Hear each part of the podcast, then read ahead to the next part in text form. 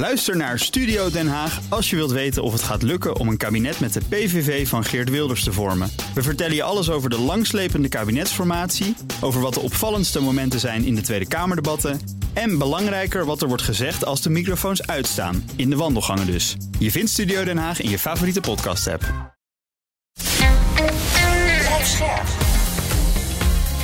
BNR Nieuwsradio. Napleiten. Wouter Laumans en Christian Vlokstra. En wat, wat er eigenlijk gebeurde, hij moest een hele vrij, vragenlijst afwerken. En op een gegeven moment twijfelde hij ergens over. Toen keek hij ons aan en toen sprong de Hongaarse advocaat naar voren. En die fluisterde iets in zijn oren. Dat ik dacht, ik wist niet waarover. En op een gegeven moment kwam dat antwoord eruit. En toen schrok ik. En toen dacht ik, oh, wat doe jij nu? Dit gaat helemaal verkeerd.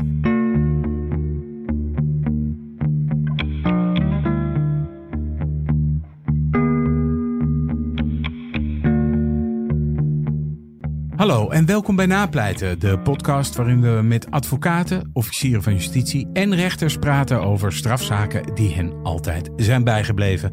Mijn naam is Wouter Laumans en naast me zit als gebruikelijk strafpleiter Christian Vlokstra. Welkom Chris. Dankjewel Wouter. Eerst even de huisregels. In deze podcast praten we over definitief afgedane zaken. En vanwege de journalistieke zuiverheid behandelen we ook geen zaken waar Chris bij betrokken is geweest. Chris, jij bent volgens mij wel een festivalganger. Nou, dat, eh, dat, eh, dat Of was, vroeger. Dat was ik eh, met name. Of althans, alweer niet een, een, een enorme festivalganger. Maar ik ging graag naar festivals, nog steeds. Alleen de tijd is nu een stuk, stuk minder. om daar naartoe te gaan. Nee, maar ik ben een groot liefhebber van, van goede festivals, ja. Ehm, even voor onze luisteraar. Wat is Siget? Nou ja, dat moest ik ook eventjes eh, navragen. Want zo'n expert ben ik ook weer niet. Maar het is eigenlijk het is een van de grootste festivals in Europa, zo blijkt. En je moet het een beetje vergelijken met een uit de kluiten gewassen Lowlands, heb ik eh, eh, begrepen. En dan in Hongarije Dan dus. In Hongarije, ja. We gaan naar de zaak van deze week. Op 7 augustus 2017 vertrekken twee jongens en een meisje van tussen de 19 en 20 jaar oud met de trein naar het Siget Festival in Budapest in Hongarije. Siget is een van de grootste festivals van Europa en zeer geliefd bij Nederlandse jongeren die zin hebben in een week feesten op een eiland.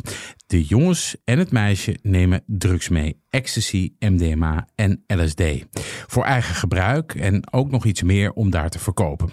Als een van hen een zakje MDMA-poeder aan een Nederlandse festivalbezoeker verkoopt, wordt hij op heterdaad betrapt door de Hongaarse politie. De drie worden opgepakt en in de cel gestopt. Dat lijkt me buitengewoon vervelend. eh, in Dat lijkt me een droevig einde van een festival. eh, Zeker. Ja. Bij ons aangeschoven vandaag is de Amsterdamse advocaat Rachel Imamkaam. Welkom Rachel. Dank je. Ehm, jij doet internationaal strafrecht. Dat is jouw specialisatie. Je vliegt de hele wereld over voor cliënten die in het buitenland zijn opgepakt. Hoe ben je daar ingerold in die tak van sport? Ehm, het was in 2002 dat ik als vrijwilliger werkte voor een Engelse organisatie. En dan bezocht ik eigenlijk gedetineerden uit andere landen, dus geen Nederlanders, dus Britse, Australiërs. En zodoende ja, ben ik er eigenlijk ingerold en eh, is Prison Law opgericht, de stichting. En dat is een stichting die zich bezighoudt. Waar, wa- wa- wat is eh, prison law? Nou, dat is een juridische organisatie die Nederlandse gedetineerden in het buitenland bijstaat. Oké, want Nederlanders die staan, ja, ik weet niet of ze erom bekend staan, maar er zijn wel vaak Nederlanders die juridische brokken maken in het buitenland. Zeg ik dat goed? Ja.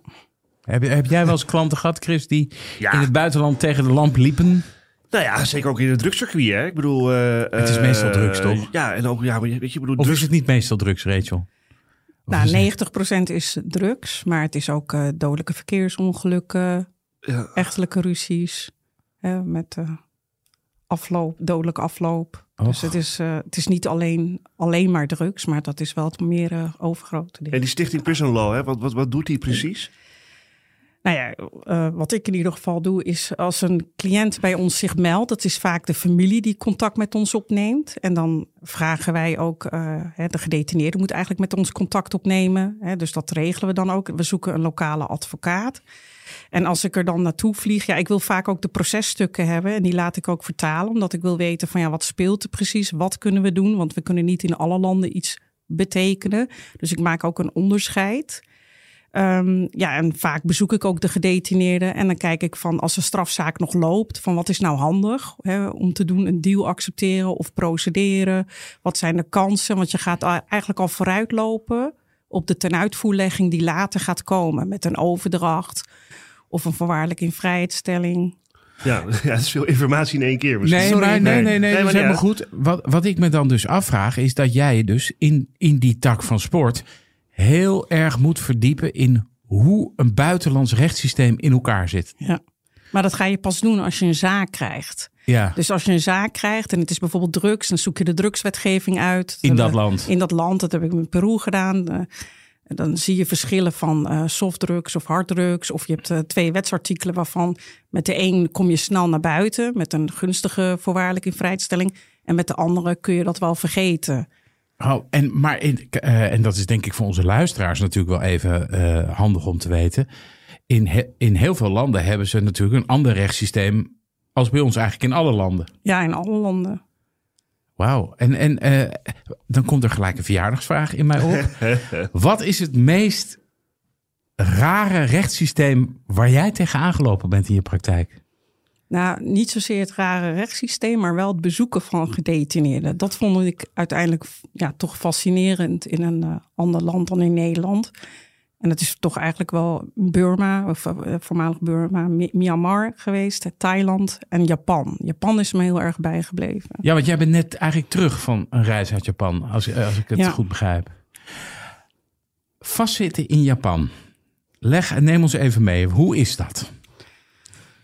Nou ja, ik heb zelf nooit vastgezeten, Nee, maar, maar je weet- je- als advocaat vond ik het wel heel bijzonder, want ik kwam daar in de wachtruimte. En als je dus in, eh in Bangkok een gedetineerde bezoekt, zit die hele wachtruimte vaak vol met allemaal eh, familieleden. Hier was bijna niemand. Ik liet alleen mijn rugtas op de grond en die werd al gelijk weggehaald van eh, geen troep, geen viezerijt. En er kwam een eh, officier die zei ook van je mag je cliënt bezoeken 20 minuten, maar waar ga je het over hebben? Dus die wilde al vooraf op een blaadje in het Engels hebben van wat ik ging vertellen. En toen dacht ik, ja, maar ik kan dat niet zomaar doen. Ehm, ja, dan ga je toch naar binnen en ja, een beetje over koetjes en kalfjes. En in het buitenland is het vaak ook zo dat je achter glas praat met je cliënt. Ja. Dus, hè, of tralies. En hier was het zo dat een officier naast mij stond. Die stond dus naast mij. En aan de andere kant zat mijn cliënt. En daarachter stond ook een officier met een timer. 20 eh, minuten hadden we. En ik stelde gewoon een hele normale vraag aan mijn cliënt. Van, Dat lijkt me wel iets voor een nieuwe maatregel van de EBI, eh, Chris. Ik denk de VVD binnenkort wel gaat bellen. Nee, John. Wauw. Hey, en, eh, eh, en hoe is, nou oké, dus eh, jij sprak daar je klant. En hoe had hij, eh, is dat, eh, zat hij voor drugs? Of ja, wat? zat voor drugs. Oké. En eh, ik vroeg alleen van, want dat bleef me bij, van met wie zit je eigenlijk op de cel? Hoe gaat het? En, en ik probeerde heel voorzichtig, want ik weet van je mag niet over detentieomstandigheden praten in die landen. Maar toen kreeg hij met de stok gelijk zo'n tik, eh, soort, ja, Wauw. een tik op zijn achterhoofd van, eh, ja, Een tik op zijn hoofd. Ja, van mond dicht, daar mag je niet over praten. Nee, nee. Maar mag ik even vragen? Hè? Want ik bedoel, ja, ik heb heel veel vragen eigenlijk meteen. Ja, ik ook. Eh. Dus ik- we, we moeten het straks ook nog over Ja, een nee, zaak zeker. hebben. Dus Maar dit is wel heel... proberen kort, eh, kort, ik zal het proberen kort te houden. Maar kijk, ik kan me zo voorstellen. Kijk, het rechtssysteem zelf is natuurlijk anders in andere landen. Ja. Hè, en de rechtspositie van een verdachte in het systeem. Eh, de strafbedreiging op bepaalde drugsdelicten is Ja. natuurlijk anders. En natuurlijk detentieomstandigheden zijn anders. Eh, is het zo dat jij op al die gebieden eigenlijk rechtsbijstand probeert te verlenen in het buitenland aan die Nederlanders? Nou, in het verleden heb ik dat wel gedaan, maar nu Ja. maak ik wel een selectie in zaken. Ja, van, want je zei dat inderdaad van in sommige landen wel, sommige landen niet. Toen vroeg ik me meteen af, wat, wat, welke Nou, landen niet dan en welke landen Nou, wel? kijk, het punt is, eh, toen ik begon in 2005 tot en met 2012 hebben we het als vrijwilligers gedaan. Hè, eigenlijk een beetje wereldwijd. En daarna kregen we subsidie van het ministerie van Buitenlandse Zaken. Toen vlogen we de hele wereld over. En nu heb ik eigenlijk, een, dat is gestopt. Hè, de- en nu maak ik ook een selectie van hè, welke zaak vind ik leuk of welk Ja. land. eh, vind ik eigenlijk, ja, ook de zaak moet leuk zijn, het land moet leuk zijn of fascinerend Ja. eh, zijn.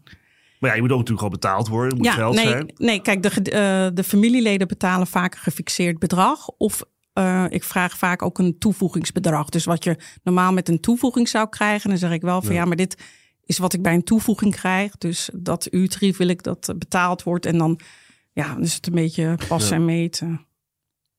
Even terug naar Japan. Joh, ik zit daar nog eens even over na te Ja, denken. Dat is- heb jij wel eens meegemaakt, Chris, dat je eh, met een cliënt aan het praten was en dat hij een klap met een stok op, een, op zijn hoofd kreeg toen hij wat zei? Wat Nee, degene, nee, de, de, nee. de, eh, degene in kwestie achter hem niet beviel. Ja, nee, maar het is niet fascinerend hè, dat, je dat je natuurlijk rechtssystemen hebt in de wereld, ook eh, die natuurlijk heel anders in elkaar zitten. Ja, maar- waar, waar de positie en rechten van zo'n verdachte ook heel anders in elkaar Ja, zitten. want hoe zit het eigenlijk met, de, met de rechten van een verdachte in Japan? Nou, niet goed eigenlijk. Want? Nou ja, kijk, wat, in, wat ik in Japan eh, apart vind, hè, dus in de meeste landen zo, als je veroor- veroordeeld eh, wordt voor een drugsdelict, hè, drugsfeit, dan krijg je een boete. En, eh, en die moet je vaak betalen en anders moet je gewoon extra zitten. Maar in Japan is het zo, dan moet je eerst gaan werken in de fabrieken die daar in die gevangenissen staan. Hè, Als verdachte al. als verdachte. Maar je st- straf, je gevangenisstraf voor dat drugsfeit, die wordt opgeschort tijdelijk. Dus je gaat eerst werken in die fabriek. En pas als je die boete hebt afbetaald, dan begint je gevangenisstraf. Maar je gaat gewoon elke dag terug naar die gevangenis, naar die Dus je cel. doet eigenlijk dwangarbeid als verdachte. Ja. Ja, Nou, ter, ik- ter ik voldoening denk van dat een, die van een VVD geldboete. Ik denk Ja. dat de VVD nu gelijk op reis naar Japan wil. Ik bedoel, ja, misschien moeten we dit over Japan even verder ophouden nu. Terug gaan naar Hongarije. dit gaat wel echt- Nee, maar kijk, Ja. dit, dit heb ik ook meegemaakt in Myanmar. Dat, eh, dat ik een cliënt bezocht en dat je dan hele inlichtingendienst gaat dan met je mee naar binnen. Dat je denkt van ja, wat is dit? Ja. Maar dat, dat werkt in die landen zo. Ja. Zou je nou eigenlijk kunnen zeggen dat als je dat zo allemaal ziet, hè, hoe dat in het buitenland is, dat het in Nederland misschien allemaal best wel goed geregeld is? Want er is een boel gemor altijd over. Maar in Nederland, als ik dit zo hoor, dan zou je kunnen beargumenteren, nou, in Nederland is het zo slecht nog niet. Nee, dat zeg ik ook tegen mijn cliënten. Ja. dat, zeg oh ik ja. ook, dat zeg ik ook tegen mijn cliënt. Zo van, eh, je, hebt, je hebt geluk Ja. dat je niet in Myanmar vastzit. Zijn er nou nog rechtssystemen zeg maar, waar jij geweest bent hè, in, in het buitenland, waar je denkt, hé, hey, daar kunnen we als Nederland wel iets van opsteken? In de zin, hè, dat is beter geregeld dan in Nederland. Mm, Nee? Nee. nee. Oh, Nee. oh kijk. Nee, ik heb er zelf wel eentje van. Ja, ik ben ooit met, met, met zo'n beroepsvereniging in, eh, in Istanbul geweest, Turkije, zo'n aantal dagen. Oh, jij gaat nu een lans breken voor het Turkse rechtssysteem. Nee, wat Oh. daar dus was op, eh, op zitting. Nou, ik ken het Turkse rechtssysteem verder ook niet zo heel erg goed. Maar op zitting, wat daar gebeurde, is dat je een scherm voor je had. waarbij zeg maar live door de griffier gewoon het proces verbaal werd opgemaakt. Dus je kon meelezen wat er tegelijk. Hè, wat In het Turks. Ja, hè, terwijl die zitting bezig is.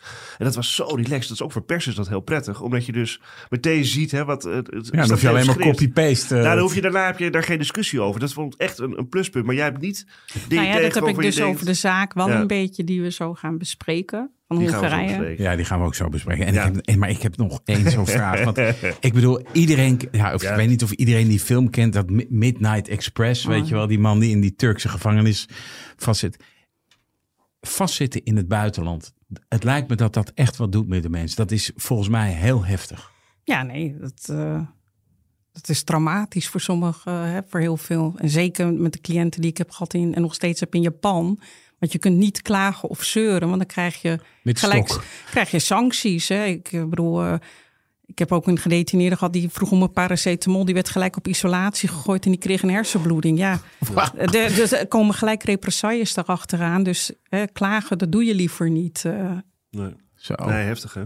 Ja, Ja. van, van Japan zou zeggen dat is een, een, een, een, een Ja. westers georiënteerd eh eh, democratie, maar Nou ja, het is in ieder geval heel schoon. En Ja. heel- ja, nou, dat, dat En, wel, wat, ja. en, en, nou, ik ga, dit is echt de laatste vraag. Dan gaan we verder met die zaak. En wat is dan het, het meest bizarre land, eh, of de meest bizarre omstandigheden die je hebt, ooit hebt aangetroffen? Ja, ik blijf verjaardagvragen nee, stellen. ik, bedoel, ik begrijp ze helemaal hoor. Ja, ik kan niet zeggen van, oh, dat land. Ik vind al, elk land eh, heeft weer zijn eigen vreemde eh, gebruiken. En, Ja. Maar de, de- deze omstandigheden zijn natuurlijk in landen als Myanmar en Thailand. Peru lijkt me ook niet heel gezellig. Nee, hoor. Peru ook niet. En, en. Zuid-Amerika ook niet. Maar kijk, als bezoeker kom je niet in die gevangenis. Hè? Dus je Nee. zit in een net schone ruimte, in een halletje of in een mooie spreekhal, eh, kamer. Daar vaak de ambassadeurskamer zit je daar. Dus dan zie je, krijg je ook niet echt een beeld eh, ja, hoe het in die gevangenis zelf is. Zal ik eens een ontboezeming doen en dan gaan we echt beginnen. Maar ik heb een keer een dag vastgezeten in Marokko. Eh, ik ben een keer in de, door de geheime dienst van Marokko in de haven eh, opgepakt terwijl ik aan het filmen was op verdenking van terrorisme.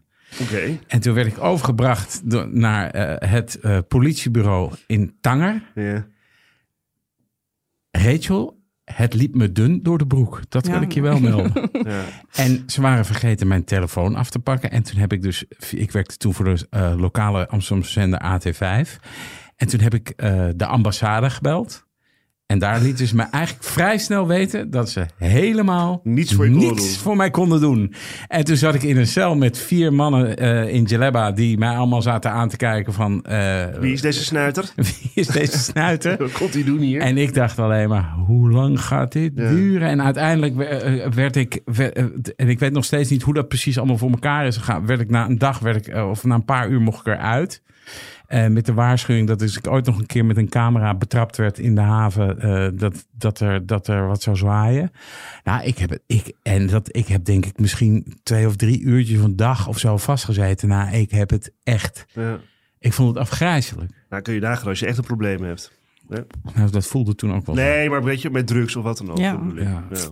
Maar wat mij dus eigenlijk opviel, is dat die am- ambassade dat die eigenlijk ook vrij weinig voor je kan doen hè, als je in het buitenland vast. Ja, ze mengen zich niet in de rechtsgang van een ander land. Dus Nee. eigenlijk is het dik doei. Nou ja, daarvoor heb je die subsidiepartners. Ja. Die je dan bijstand komen verlenen. We gaan naar eh, iets vrolijkers, wat eigenlijk ook helemaal niet veel vrolijker is. Siget. Eh, hoe kwam deze zaak? Hè? De, de, de, de, drie, eh, de twee jongens en het meisje van, eh, van 17, of van tussen de 19 en de 20 jaar. Die, die, ja, hoe kwam die bij jou terecht? Die kwamen in 2019 bij mij. Want ze dachten eigenlijk dat ze klaar waren in Hongarije. Ze hadden verklaringen afgelegd. Als ze Bekennende- hadden gezeten, ja, ze- ja en ze hadden bekennende verklaring. Althans, ze dachten dat ze klaar waren. Totdat een brief op de mat viel van jullie moeten komen. Wat was er in eerste aanleg gebeurd bij hun? Nou, er, was helemaal geen eh, rechtszaak geweest, et cetera. Ze waren alleen verhoord in 2017. Toen hebben ze in voorlopige hechtenis gezeten. Hoe lang? Drie dagen. En toen moesten ze twee weken in Hongarije nog blijven. Voor onderzoek en om verhoren. En toen mochten ze het land uit. En toen dachten ze, nou, het is klaar. Met een sisser afgelopen, ja, we kunnen weg. ervaring. Ja, we kunnen weer weg. En eh, we hebben sorry gezegd. Die zien we En- nooit meer terug. Nou, toen kwam die brief eh, dat ze moesten komen voor een eh proforma zitting. En toen hadden ze zoiets van, ja, maar we willen niet gaan. En toen heb ik ze uitgelegd, ja, maar als je niet gaat, dan komt er een Europees arrestatiebevel. Dan word je vastgezet. En dan ga je alsnog naar Hongarije, vroeg of laat. Hè? En dan zit je ook in Hongarije weer vast. Ja. Ehm, want Nederland levert mensen over aan Hongarije. Ja, En nou, hoe- kijk, er wordt wel per zaak gekeken naar de detentieomstandigheden, et cetera. Eh, dus voordat er een overlevering plaatsvindt, dat gaat bij de Internationale Rechtshulpkamer. ja, maar nou, dit ik was, heb, wel- ik dit heb was geen overleveringszaak nog, maar dit was de risico's die ik ze had uitgelegd. Van als je niet naar die zitting gaat, gaat dat gebeuren. Ja. ja, maar kijk, dat is dan wel een overleving met terugkeergarantie. Hè? Dus Ja. dan, op het moment dat je niet komt, dan zegt Hongarije, nou dan gaat Hongarije een EAB sturen naar Nederland van hey, aan, een Europees arrestatiebevel aanhouden, hier naartoe brengen voor vervolging. En dat doet Nederland wel, alleen wel onder de terugkeergarantie dat op het moment dat die zaak klaar is, ze, ze moeten die straf uitzitten, dan mogen ze dat in Nederland uitzitten. Ja, Ik, eh, eh, nou ja, ik heb wel eens bij die overleveringskamer gezeten, regelmatig eigenlijk. Eh, Dat is eigenlijk over 9 van de 10 keer is dat gewoon afhameren en Ja. prettige reis. Zeker. En het gevolg is natuurlijk dat je gedetineerd zit. Want je wordt aangehouden in Nederland. En dan word je, moet je hier zitten. En vervolgens word je overgebracht naar Hongarije. Zit je weer vast. Oké, dus jij legt hun de risico's uit. Wat hebben ze jou verteld over wat er gebeurd was? Ehm, In gewoon de gebeurtenissen op tijdens Siget in 2017 waar was dat. Dus dat was twee jaar daarvoor. ja, gewoon dat ze pillen hadden voor eigen gebruik. Maar goed, ik ben dan gelijk van, ik wil het dossier hebben. De Ja. stukken hebben. Eh, en, eh, dus die heb ik toen gekregen. En ik heb ze toen ook uitgenodigd van... Goh, wat is jullie verhaal? Ja, we hebben alle drie bekend. Hè? Dus we dachten dat we klaar waren. Wat gaat er nu gebeuren? Dus ik heb eigenlijk met ze ja, het hele strafproces eigenlijk doorlopen. Van, hebben jullie een advocaat? Die hadden ze ook. Ja. Eh, die wilden ze weer inhuren. En toen zei ik, ja, het lijkt me verstandig dat je naar die zitting gaat omdat ehm, je dan ook kan laten zien van ik ben niet vluchtgevaarlijk. Want ik ben hier ook vrijwillig gekomen.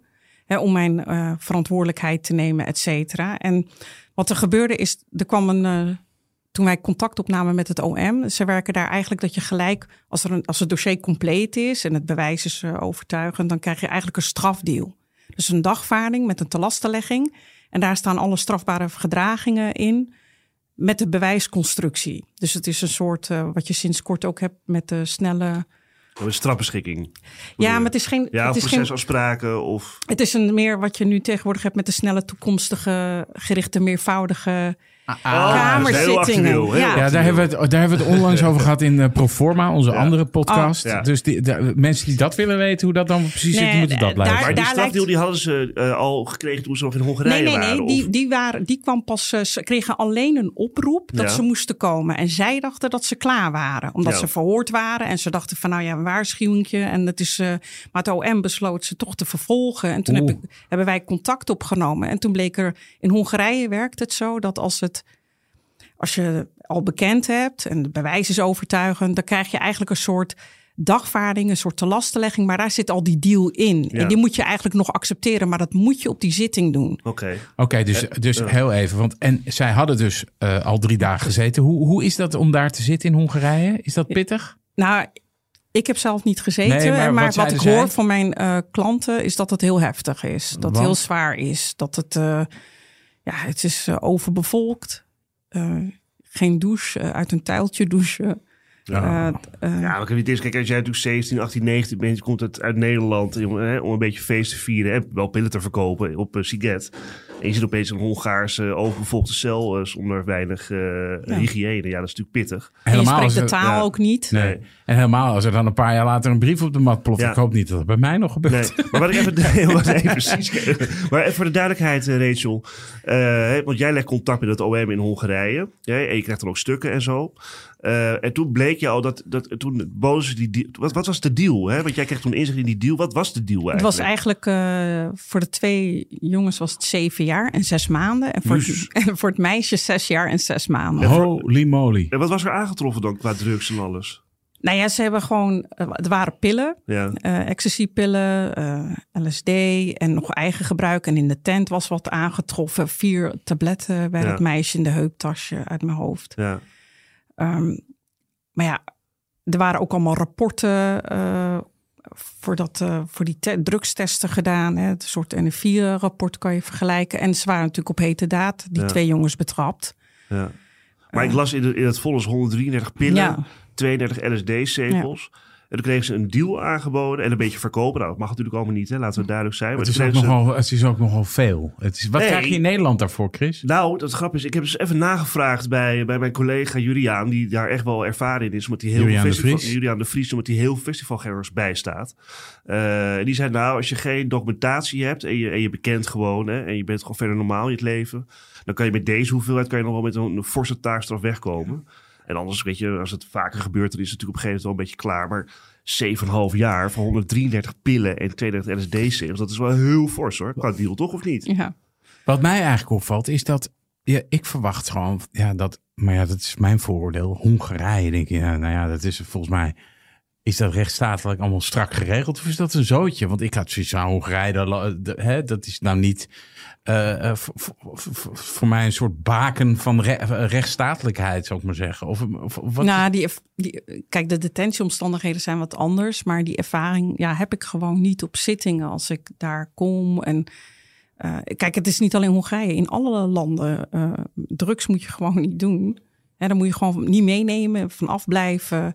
Er luisteren veel jongeren, hè? luister daar even. Dat moet je eh, gewoon luister niet even, doen. Rachel. Geen drugs in het buitenland. Nee. Nee, dat moet je gewoon niet doen. Want in heel veel landen eh, geven ze er echt geen taakstraf voor of iets. En ehm, het is, kijk, die deal, als je die accepteert, is het niet zo dat het ook die zeven jaar eh, wordt. Dan kun je op de zitting nog een strafmaatverweer voeren, je persoonlijke omstandigheden. Er worden heel veel vragen ook gesteld. Maar ik kan me voorstellen, deze mensen die jij dus toen bijstond, die waren begin twintig, die zitten met ijszakken. Als, als ik dat zou lezen, zeg. Ja, die waren ook behoorlijk overstuur. En die hadden ook meerdere advocaten voordat ze bij mij kwamen geraadpleegd. En uiteindelijk zei ik, ja, dan, dan gaan we het, eh, we gaan daar naartoe. Ik ga met jullie mee, maar ik moet me laten registreren in Hongarije. Dat moet ik ieder jaar doen als ik ja, daar een zaak doe. En omdat ik daar ook in toga naast de lokale advocaat wil zitten. Ehm, zodat ik ook het dossier mee kan lezen, dingen mee kan denken over de processtrategie. En ik wist ook van in Hongarije, als je die deal niet accepteert, dan wordt het nooit lager dan zeven jaar. Dan gaan ze erboven zitten. Aha, dus het is eigenlijk geen deal. Het is gewoon Ja, het is eh, eigenlijk- take it or leave it. Ja, En- dat is het. Ja, maar ze en noemen het. fikken. Ja, ze noemen het in Hongarije. Zeg ja, het is een deal. Want als je het niet accepteert, dan kan het zijn dat het eh, na 15 jaar gaat, of 20 jaar, of levenslang. Jezus. Mina. En dat werd ook op de zitting. Levenslang? Ja, dat werd op de zitting ook gezegd. Maar mag ik even vragen, hè? want had jij al ervaring met zeg maar, dit soort deals in Hongarije Ja, met betrekking ja. tot drugs? Dus jij wist, hè, die 7,5 jaar voor deze hoeveelheden, dat is op zich vrij regulier en die kun je maar beter pakken. Ja. Want anders ga je nog meer de lucht in. Ja, nou, kijk, wat, het, wat gebeurt als je die deal niet accepteert eigenlijk, dan ga je een strafproces in. Ja, En dan mag je vaak ook het land niet verlaten. Dan moet je ook daar blijven. ja, Onder huisarrest of je wordt vastgezet. Of je, of je in uitzonderlijke gevallen moet je tien keer terugkomen. En dat kan soms twee, drie jaar duren. ja, En dat kan verkeerd uitpakken. ja. En hier is het zo, als je die deal pakt hè, in algemene zin, dan kun, je, dan kun je vervolgens de straf die je opgelegd krijgt, kun je wel weer in Nederland uitzitten. Ja, kan je, in? Nederland- je kan het vonnis laten overdragen. Of Ja, op de zitting kan je ook ervoor zorgen dat die straf wat omlaag gaat. ja. Oké. Maar dan moet je wel heel veel voorwerk voor Ja. verrichten. Maar ja, goed, jij zit dus met deze drie en jij zegt, nou, dit is de deal en die zou ik maar pakken als ik jullie was. Dat is eigenlijk jouw advies. Ja, dat moment. was mijn advies. Want ik zei, ja, het risico is anders. Dat je ehm, een lang traject ingaat. En kijk, kijk, natuurlijk heb ik eerst gevraagd wat ze zelf wilden. Ja, En ze wilden er zo snel mogelijk van af. Ja, logisch. Eh, en ik heb toen ook gezegd, eh, van ja, jullie hebben bekend eh, al bij de politie. Het dossier was, eh, toen, nou, ik had dat dossier gekregen bij de politie. En toen dacht ik, ja, je kunt nu niet in één keer je verklaring gaan herroepen zonder goed verhaal. Eh, en je moet dan ook gaan uitleggen van waarom je die verklaring herroept na twee jaar. Dus ik heb, Kansloos. ik heb dus eigenlijk ze al geadviseerd van ja, hè, pak die deal. eh, met je Hongaarse advocaat. Ik zit erbij, maar dan hè, s- spijt betuigen. We hebben ook Bureau Buitenland van de Reclassering ingeschakeld, die een rapportage heeft opgesteld. Ehm, ik ben daar naartoe gegaan. We hebben alles voorbereid. Want het, hoe het werkt in Hongarije, je zit gewoon op een zitting. Het is gewoon net als in Nederland een strafzaak. En de verdachte loopt naar voren, die moet staan. En die krijgt een hele reeks vragen op zich afgevuurd. Over die dag, wat hij bij de politie heeft verklaard, over zijn gedrag. En dan mag je zelf ook nog als verdachte het laatste woord doen. Ehm, dus dat, eh, ja. Deze mensen, dit waren allemaal adolescenten. Die hebben natuurlijk ook familie. Ja, Eh. ja, die waren ook allemaal mee. Het lijkt me ook loodzwaar voor die, voor die familie. Ja, was het ook. Het was ook eh, behoorlijk zwaar voor de familie. En de eerste. Want je zou zeggen, ja, dit is een domme jeugdzonde. Je gaat met een zak pillen op onderweg naar een festival. Wat heb je nou in je hoofd gehaald? Het, het 19, 20-jarige idioot, doe dat niet.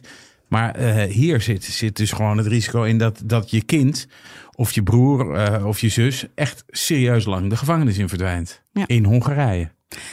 Nou, kijk, normaal is het zo als ik iemand een gedetineerde bijsta in het buitenland die vastzit, dan heb je de familie die als contactpersoon fungeert. Dat maakt het soms ook de communicatie moeilijk, omdat je ja, toestemming moet vragen vanwege je geheimhouding, et cetera.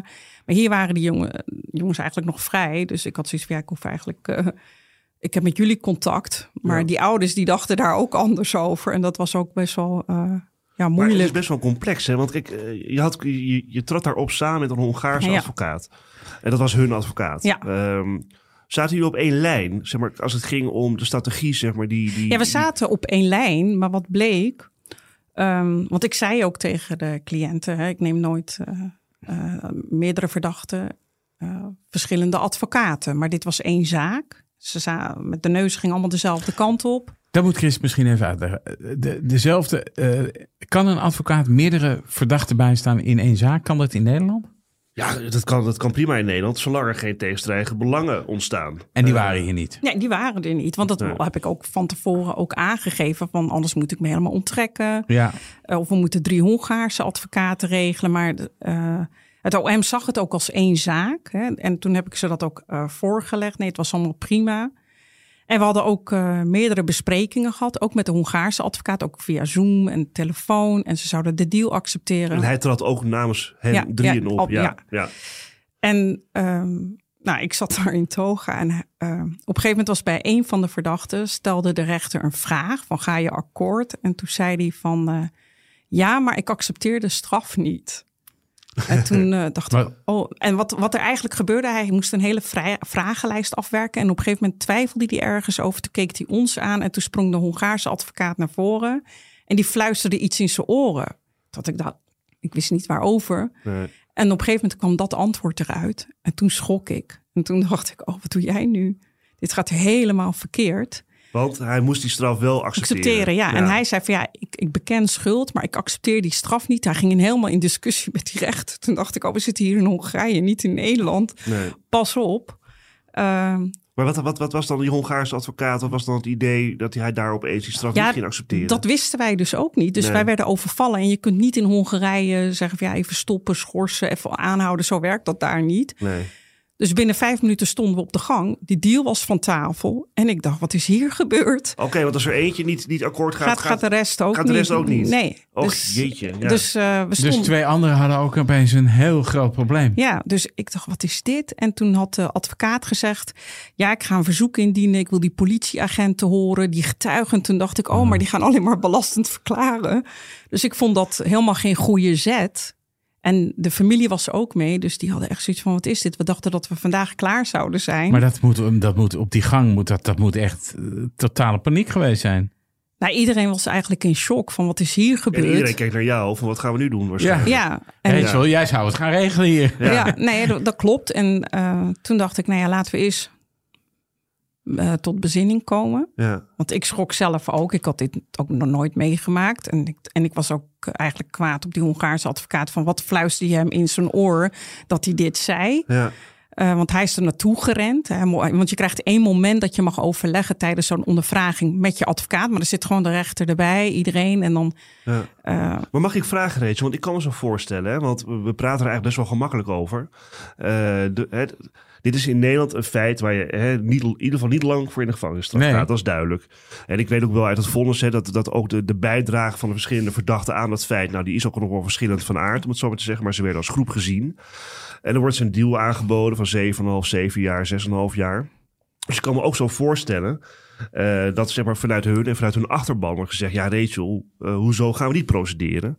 En dat jij ze dan echt moet overtuigen van dat is beter van niet. Hè? Ondanks Nee, dat ik heb ook uitgelegd van eh, degene die de Hongaarse, want dat bleek dus op de gang, dat uiteindelijk de advocaat en ik, de Hongaarse advocaat, niet op één lijn opeens zaten. Want hij had het over politieagenten die, die de cliënt op hete daad had betrapt, die wilde hij gaan horen. Ja. En de getuigen die, hè, waar. Maar er lag een bekentenis. Ja, en, nee, maar goed, wat- wat ik eigenlijk, als Nee. dan kom je dus daar, hè, dan deed je alles. Dus ik, kan, ik, heb iedereen op één golflengte. Ja. Ook al is het misschien een moeilijk te accepteren deal. En dan gaat de Hongaarse advocaat gaat opeens een andere strategie voeren. Eh, ik kan me voorstellen dat het als, gewoon, voor, puur als advocaat werkt voor jou, dat het best wel ja, wel- een complexe situatie is. op Nee, dat is het ook. Want eh, je bent een buitenlander, dus je voelt je een beetje een buitenstaander in, in dat land. En ook al ben je dan wel geregistreerd daar op het tableau en mag je dingen doen, maar het is toch beperkt. Je bent de taal niet machtig. Tenminste, Nee, ik weet niet of je ging- Hongaars spreekt. Maar nee, alles ging in het Engels. En we hadden ook gewoon een Nederlandse tolk ter plekke geregeld. En ik had ook alle processtukken laten vertalen. Dus eh, alleen ik begreep de verdedigingsstrategie niet helemaal. Omdat ehm, ik wilde uiteindelijk ook de garantie hebben van die advocaat dat die straf dan omlaag ging. En dat kon hij niet geven, zwart op wit niet. En Oh. toen wist de familie al genoeg. Ja. Ja. Want ik heb toen gezegd. Als jij denkt dat die bewijsmiddelen of het oproepen van getuigen het juist omlaag brengt, dan wil ik weten van waaruit dat blijkt. hè. Dus eh, want de mensen die hij naar voren droeg, dacht ik, nou, die gaan eerder belastend verklaren. Het wordt dan- alleen maar erger waarschijnlijk. ja, ontlo- dan ontlastend. Dus die kun je beter niet oproepen. En toen heb ik hem gevraagd van waaruit blijkt, eh, heb je arresten, jurisprudentie of zaken waar, waar het... eh, maar ook hij kon, kon mij niet overtuigen. En toen heb ik gezegd, nou ga dat maar aan de familie uitleggen, want ik ga dat niet doen. Maar ja, de deal was afgeschoten. Die was afgeschoten en toen heeft de familie gezegd van ja, eh, toen heb ik me ook eh, eigenlijk ontrokken uit die zaken. Omdat je natuurlijk niet alle neuzen stonden met dezelfde en kant toen op. dacht ik, ja, ik kan deze zaak eigenlijk niet meer doen. Nee. Dus dat moest ik ze ook gaan uitleggen. Ja. Dus de familie, de cliënten boos, die wilden dat ik weer terugkwam. Ik zeg, ja, maar dat kan niet. En, eh, en het gaat eh, nu ook ten koste van de andere twee. Dus ik wilde de- ook die zaak niet op die manier doen. Nee. En toen hebben ze met mensen rondgebeld. En toen Wat hebben een ze... puinhoop dit. Ja, het was een puinhoop. En toen kwamen ze weer terug bij mij. Toen heb ik gezegd, nou, ik wil het afspreken als jullie terugkomen en je accepteert alsnog die deal. Ja. En want zo gaan we het wel doen.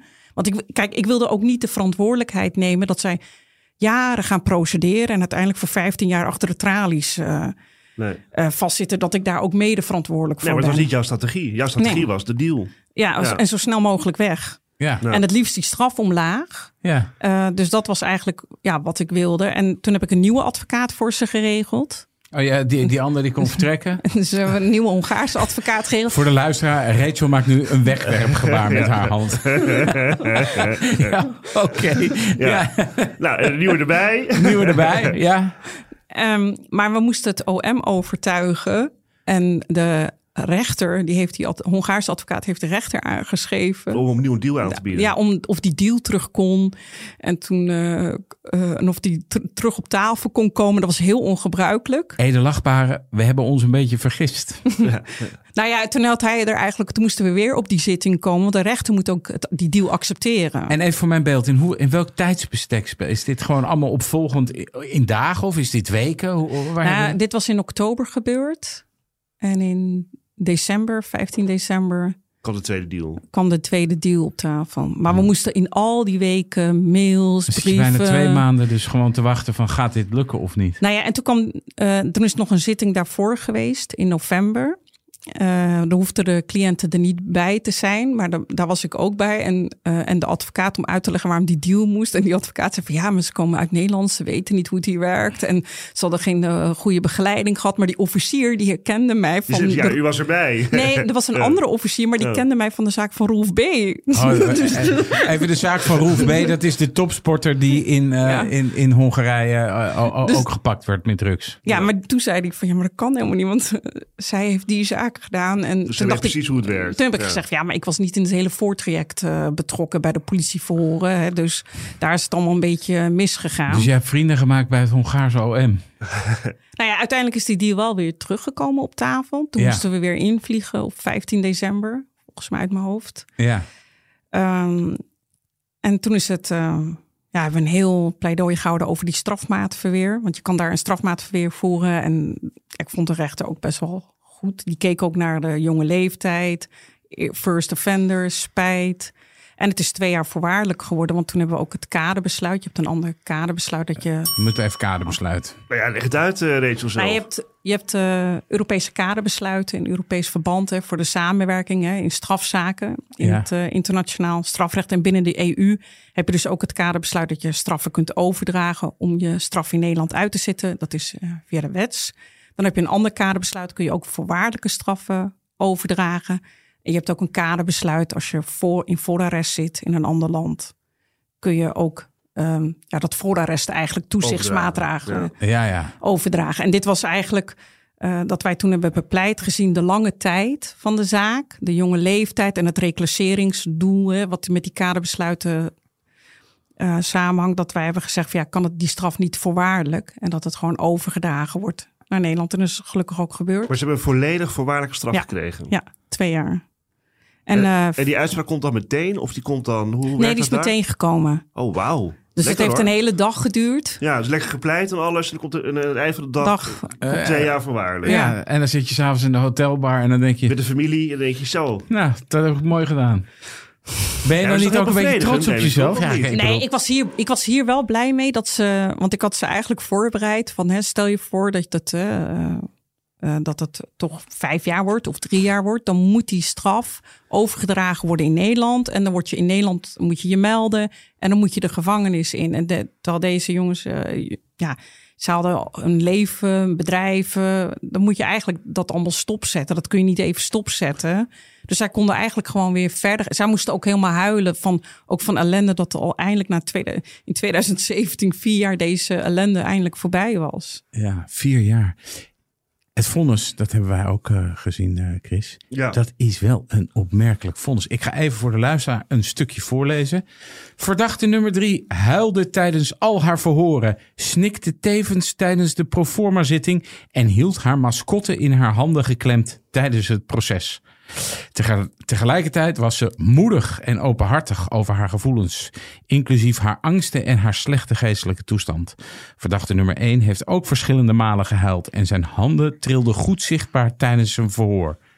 Dit, is, dit heb ik nog nooit gelezen in een Nederlands vonnis. Nee, dat je, dat, eh, dat- ook terminologie als moedig en openhartig. Ja. En wat, wat- dan denk ik, wauw, wat, Ja. dat dat zo werkt. Ja, in daar. Nederland heb je klare taal vonnissen. Ik denk niet dat dit vonnis zeg maar, wat dat betreft eh, de toets doorstaat. Maar voor de rest is het een vrij helder vonnis wat erin staat. Ja. Hey, ehm, ehm, alle drie de verdachten hadden diepe spijt van hun daden. Hè? Dat, eh, dat, dat, staat, dat valt ook in het vonnis te, eh, te lezen. Eh, vier jaar van onzekerheid en angst tijdens het strafproces hadden op zich al een aanzienlijk afschrikwekkend effect. En het educatieve doel van de straf was dus al bereikt, nog voordat de straf werd opgelegd.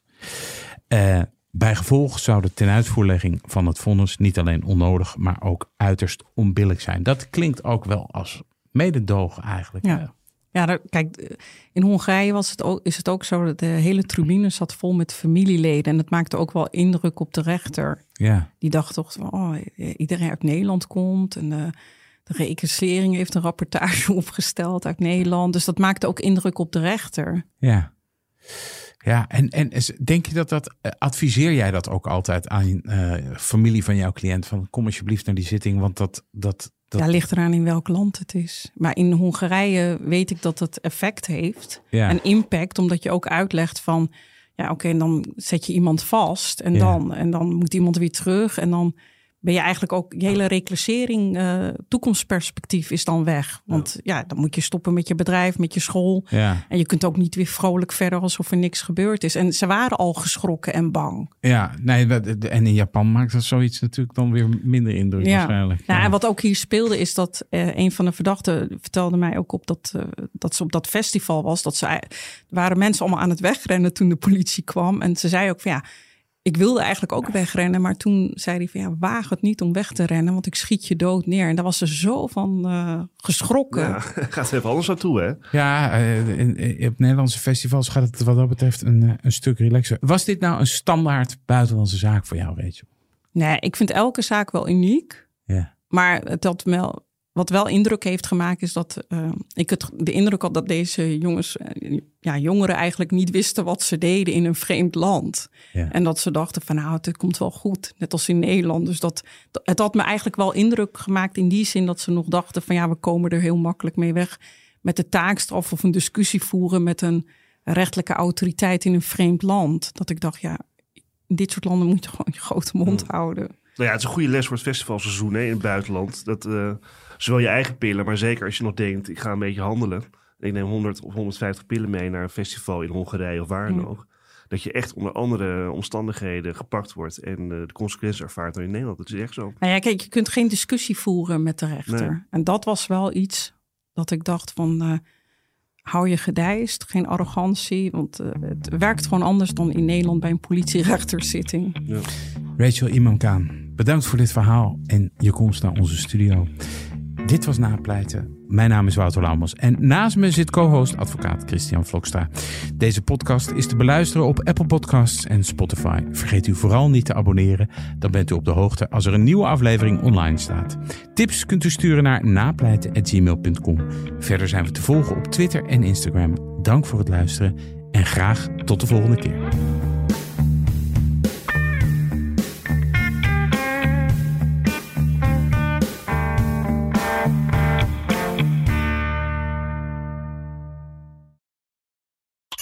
Harm Edens vind je in de BNR-app. Je kunt BNR Duurzaam niet alleen live luisteren in de app, maar ook terugluisteren als podcast, zoals al onze podcasts.